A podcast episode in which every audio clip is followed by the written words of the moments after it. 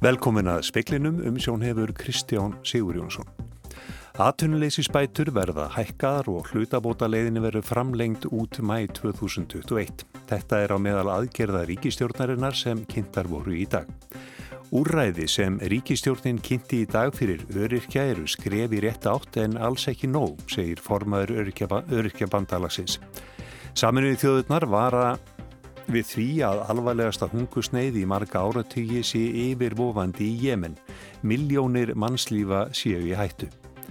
Laureglan lagði í gær halda á fleiri kannabisplöntur en í nokkuri annari aðgerð á síðustu árum. Einn var handtekinn vegna málsins.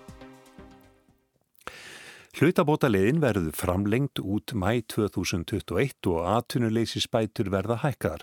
Þetta er á meðal aðgerða ríkistjórnarinnar til að sportna gegn efnaðaslegum áhrifum farsóttarinnar sem kynntar voru á bladamannafundi í dag.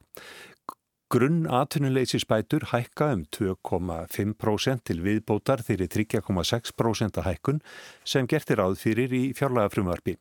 Hildarhækkunin er umlega 6% og hækka bætunar þannig í 207.203 krónur.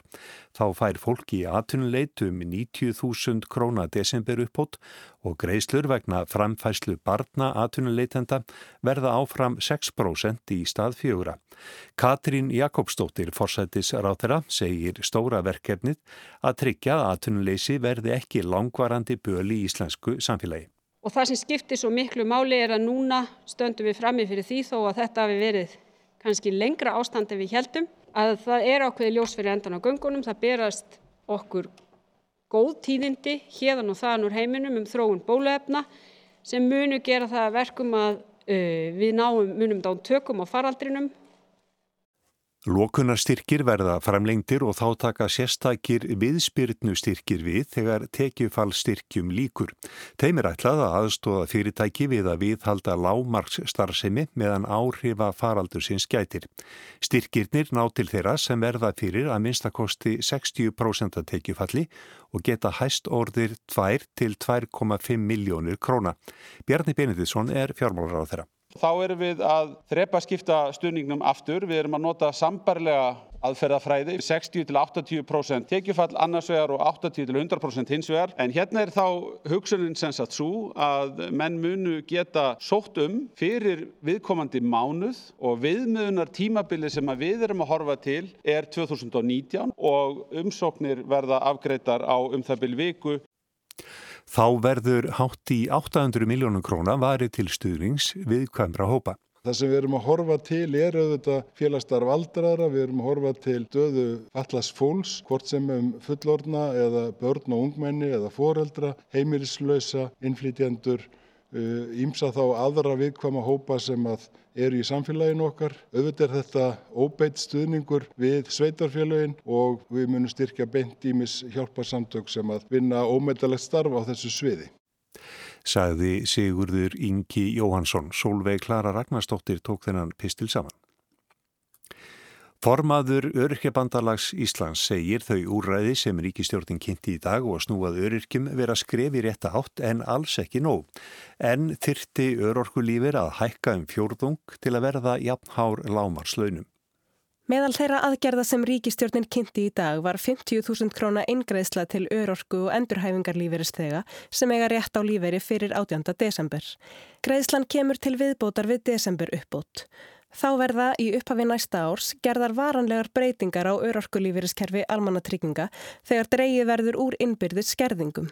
Þurriður Harpa Siguradóttir er formaður öryrkjabandalagsins. Það vantar eitt fjörðu upp á að örorkulífeyri sé á pari við lámaslaun og tanga stefnu við auðvitað.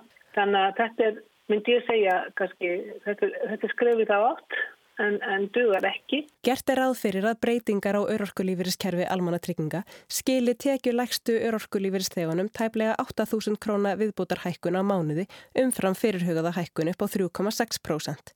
Heildarhækkun bóta almannatrygginga til þeirra tekjulegstu verði því tæpar 20.000 krónur um áramót.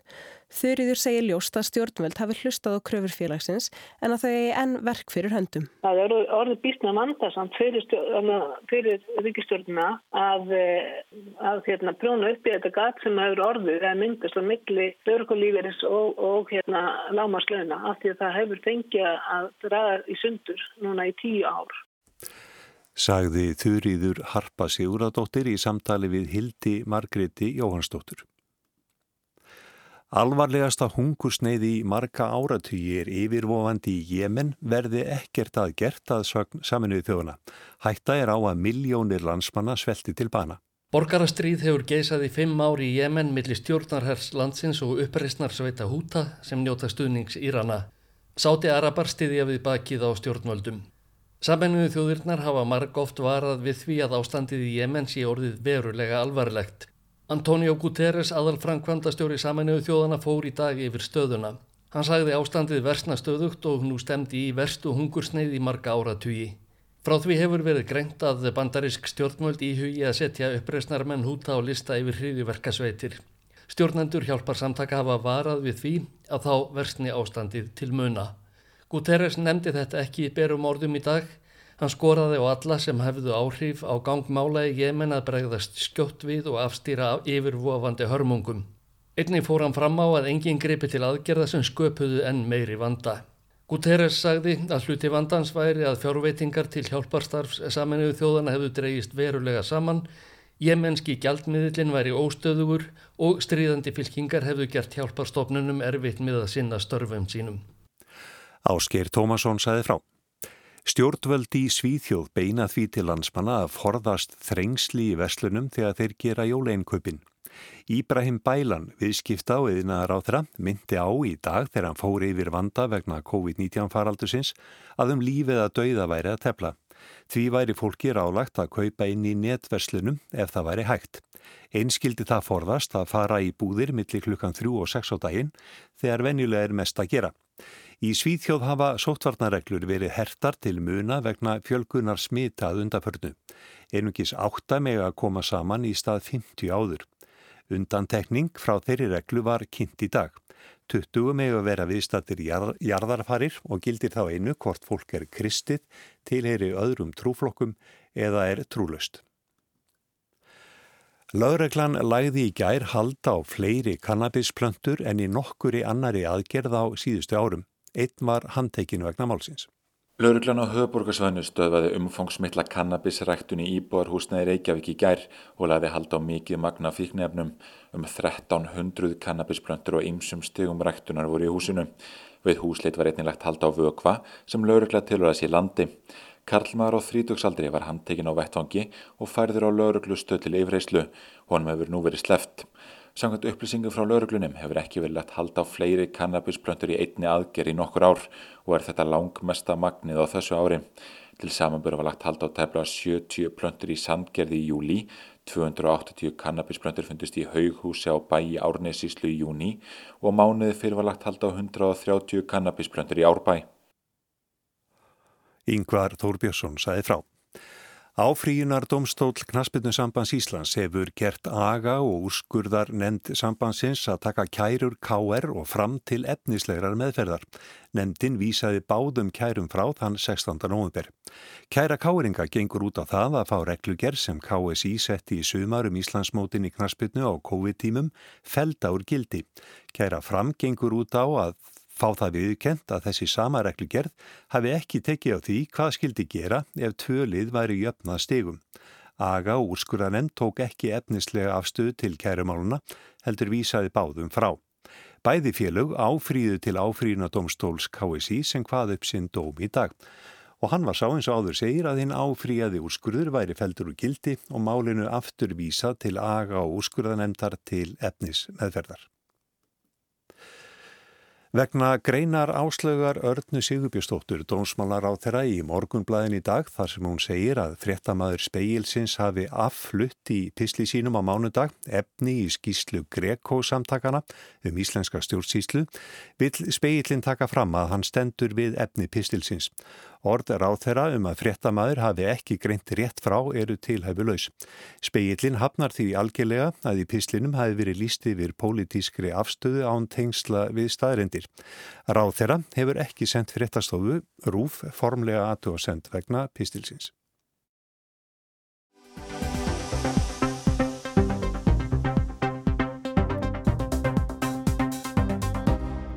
Barnahjálp saminuð þjóðana, UNICEF, gaf í dag á alþjóðadegi barna út aðgerðar áallun vegna kórunuveirunar með yfirskriftinni afstýrum hörmungum fyrir heila kynnslóð.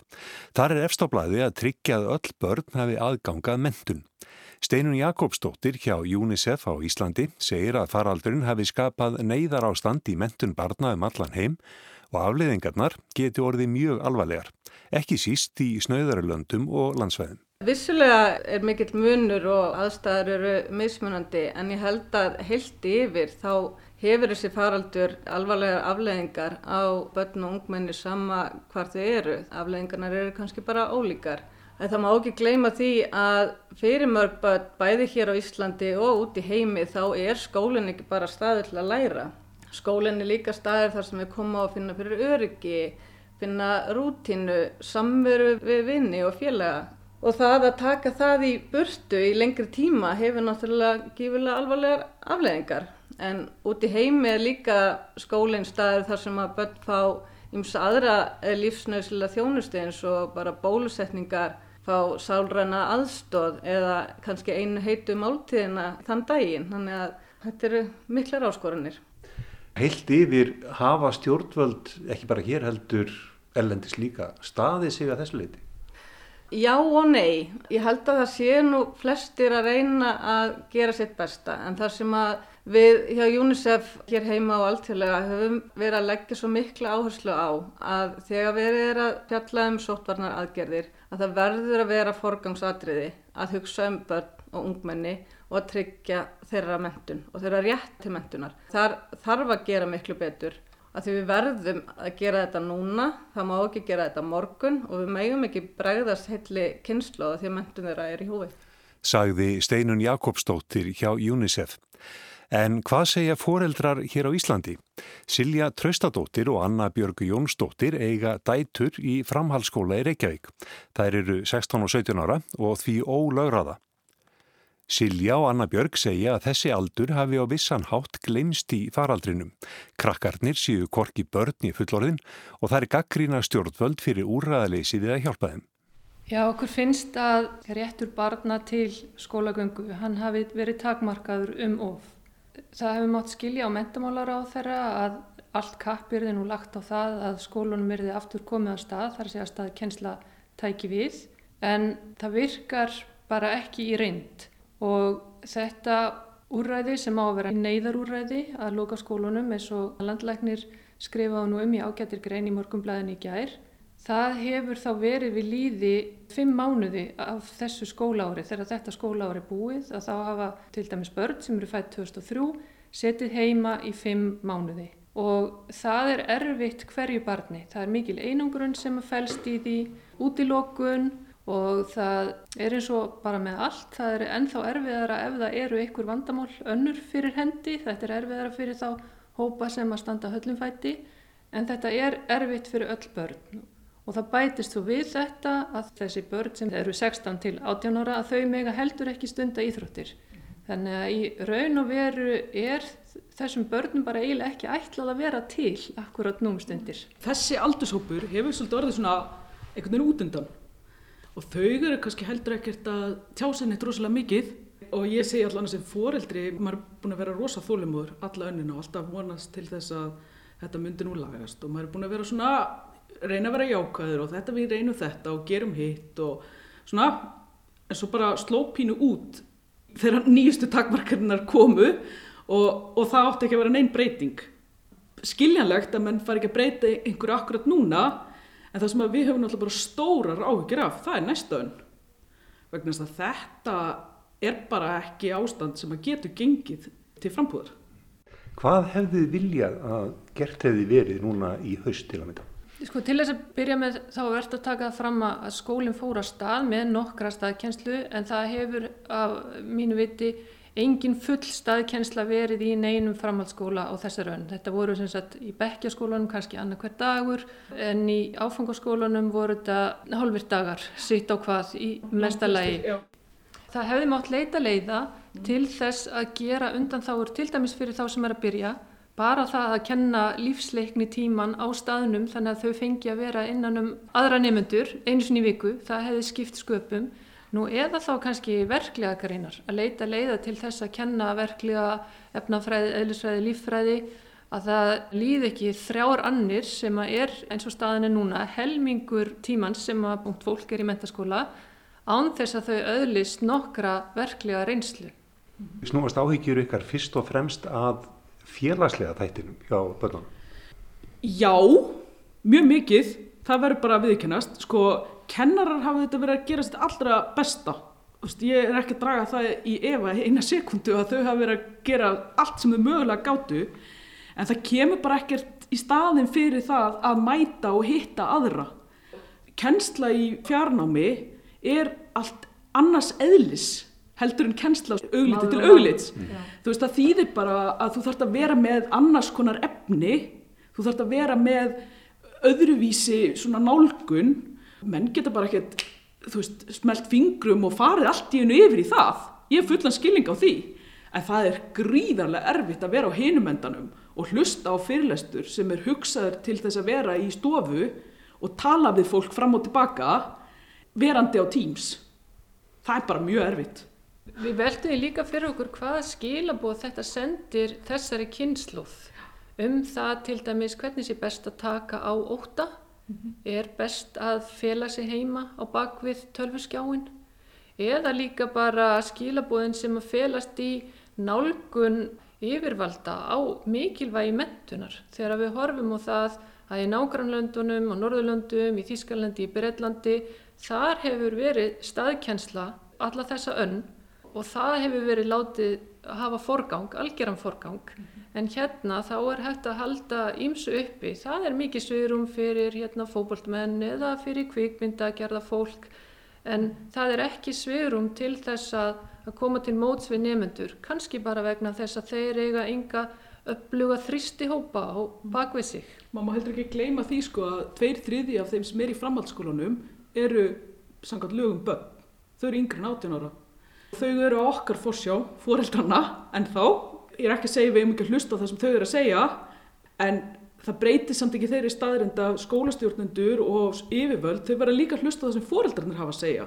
Það eru við sem erum heima með börnunum það eru við sem erum að horfa á þau á nottvitunum í rúminu af því að það er bara veist, öll regla fyrir um gluggan og það eru við sem þurfum að díla við það ég hef allan ekki eða þá hitt það foreldri síðustu vikur sem hefur ekki gríðarlegar áhugir af mentskjælingum sínum eða framhaldsskólanemandanum það eru einhvern veginn allir fóreldrar að reyna að gera sitt allra besta og reyna að vera ótrúlega jákvæðir en þetta er svakalega erfitt.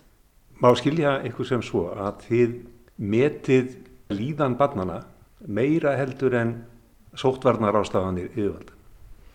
Nei, engan veginn. Því er ekki þannig farið en við veldum því fyrir okkur hvort það gæti verið að það væri verið að oftúlka ímsa reglur og hvort að það er sem sagt einhver algjör bóstastrú sem að hér ræður ríkjum. Við erum að kalla eftir lausnum og að menn hugsa þess út fyrir bóksið. Við erum ekki að segja að það er ekki sinna persónulegu sóttvörnum, að sjálfsögja á að gera það. En við erum pínlítið að segja að það hlýtur að vera hægt að finna einhverja aðra lausn heldur en að láta þau bara vera heima fyrir framann tölvunskjáum. Og þegar að heimavistinn er búin að vera svona ríkalega laung þá getur það að fá að mæta einu sinna á dag, skipt sköpum. Mm -hmm. Hver er ykkar óskastaða núna eftir, já á nýja ári síðan? Það fá að mæta. Þau þurfu að fá að mæta, það þarf að vera eins mikil staðkjensla og mögulegt er og ef við erum áfram í svona stífum sóttvarnarreglum og aðgerðum þá þarf að hugsa út fyrir bóksið. Þetta voru þær Silja Traustadóttir og Anna Björg Jónsdóttir, mæður tvekja ólagráða framhalskólanema í Reykjavík.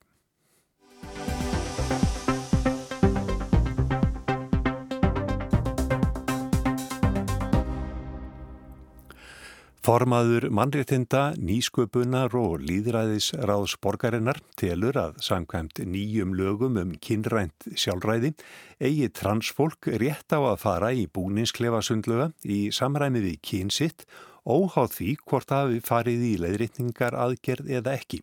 Í dag er minningardagur transfólks. Tillagum að í vorveði farði í vitundar vakningar áttak gegn fordómum áreitu og óbeldi var samþitt í gæra á samílu fundi nokkura ráða og nefnda borgarinnar. Dóra Björg Guðjónsdóttir, formaður mannréttinda nýsköpunar og líðræðistaráðs, segir mikilvægt að hinn er ímsu hópar samfélagsins séu bónir velkomnir hvort sem það er fólk með föllun, transfólk eða hins egin fólk hverskonar það sem er mjög mikilvægt uh, þegar kemur að fordómum og áreitni, ofbeldi, er, uh, er viðhorf viðkomandi einstaklings og til að breyta viðhorfi þá er líkillin fræðsla og við teljum að svona vitundarvakningar átags sé til þess fallið að auka frjálslindi og opna hug fólks í, í garð mismunandi hópa. Átaki beinist bæðað íbúum höfuborgarinnar og starsfólki borgarinnar. Borgin hefur hundið að stað ímsum verkefnum sem beinast að skilningi og fræðslu um stöðu hinsegins fólks. Þar var nefna svo kallaða regnbóavottun og markvisa fræðslu í skólum.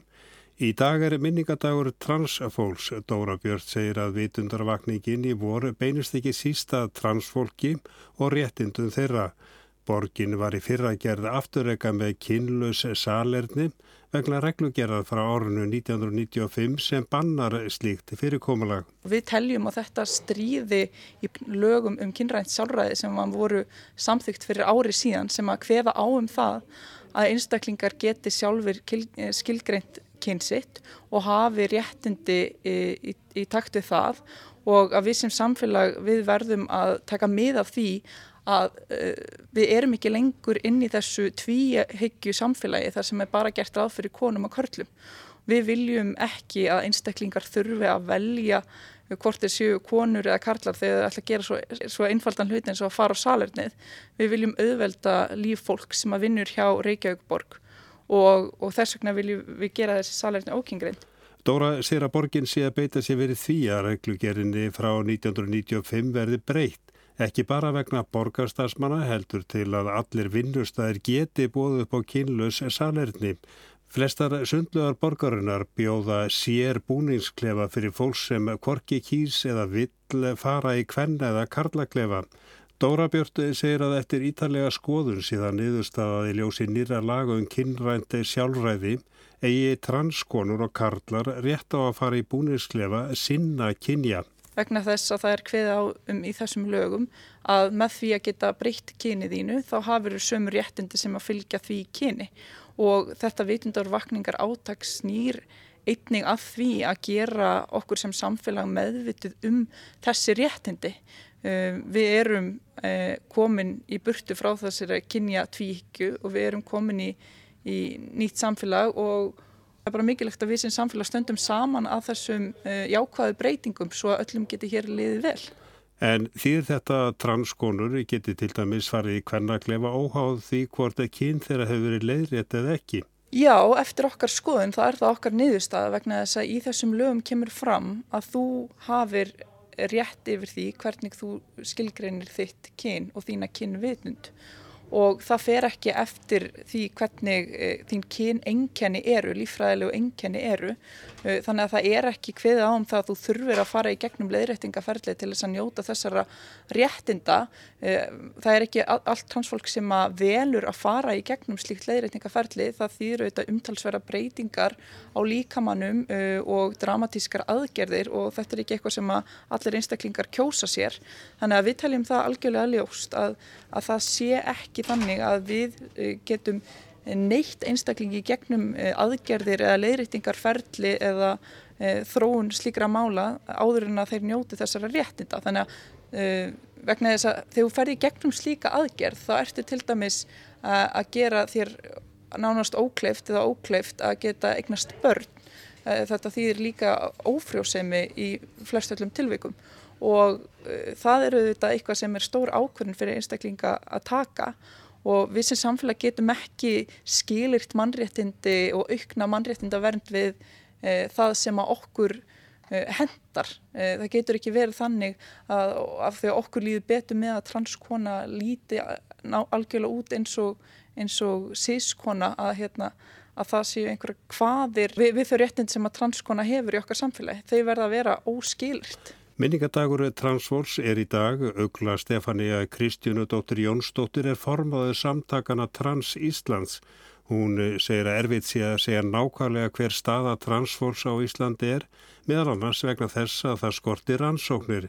Miða við hennarreynslu sé transfólk að berjast við ímsar hindranir í íslensku samfélagi. Og, og þrátt fyrir að við sem kannski komin framarlega þegar kemur að, að laglegum réttindum í, í ákveðnum skilningi þá eru við enda að, að glíma með alls konar fordama bara á helstu, helstu sviðum. Og það getur verið til dæmis þegar fólk er að leita sér vinnu eða þegar fólk er að nýta sér stjónustu eða þegar fólk er að fara í, í sund eða líkamsrækt eða þegar fólk er að fara að skemta sér um, um helgar til dæmis að fara út á, á, út á lífið. Og, hérna, og, og transfólku upplifir líka enda á einelt í skólum og, og upplifir raun bara mikið í rauninni fordama enda á Íslandi þó svo að kannski við séum heppin að vera ekki að, að klíma við mjög alvarlega óbyrtiskleipi eins og kannski viðsver erlendis og minningadöðu transfólks sem, sem við erum að halda í dag snýst svolítið um það að minnast transfólk sem hefur orðið fyrir grófu ofaldi eða verið myrt fyrir það að vera trans. Staða ykkar er kannski tittulega góð lagalega síð á Íslandi breyttu lögum kynrænt sjálfræði miklu? Já, þau eru voru mjög stort skref uh, fyrir réttindastöðu transfólks á Íslandi og breyttu mjög miklu sem að var orðið svolítið ábátavant bara með við löndin í kringum okkur. Og við erum loksins komin á, á þann staða að standa frekar framalega að vissuleiti en það er hins vegar enda á ímislegt sem Ísland þarf að bæta sig í lagalegum skilningi og það er kannski helst þegar kemur að, að mismunalögjum og lögjum um, um hatursorfræði og, og sumulegis um, um lagalegstu hins einn hælisleitanda og flóttafólks þannig að það er enda á ímislegt svona lagaleglegin sem þarf líka enda á huga en, þess, en þessi lögum um kennrænt sjálfræði voru vissulega mjög stort skref og færð okkur um mun framar en við höfum verið undir fyrir náttúrulega. Ugla Stefania Fagnar samþýtt borgarinnar um vitundarvakningar áttak gegn fordómum áreitu ofbildi. Hún er snerti transfólk sem verður fyrir áreitni og fordómum í sínu daglega lífi. Hún nefnir að transfólk veigri sér við að fara í sund og í líkanstrækt. Vegna þess að það óttast fordóma og áreiti í, í búningsklefum og annað og, og í mínum huga er það bara ákveði líðhelsuvandamála að minnlutahópar sé að forðast uh, líkamstækt og, og reyfingu vegna þess að þeir óttast að þeir verði fyrir fótunum. En nú er það þannig að uh, það er bóðu upp á sér klefa en sér þú fyrir að já, þróunu verði svo að transfólk, uh, konur og karlar geti bara valiði hvena sem er já, að fara annarkort í hvern eða karla klefa?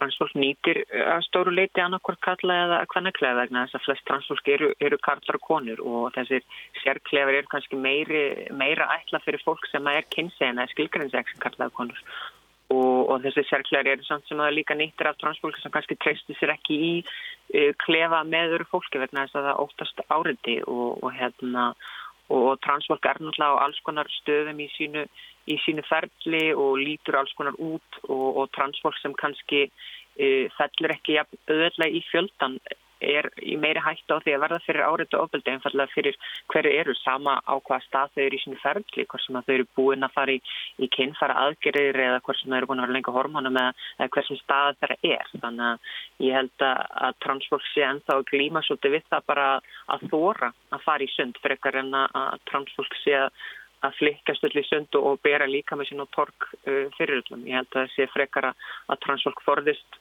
forðist þessi staði og eigi erfileikum með það að nýta sér þessa þjónustu.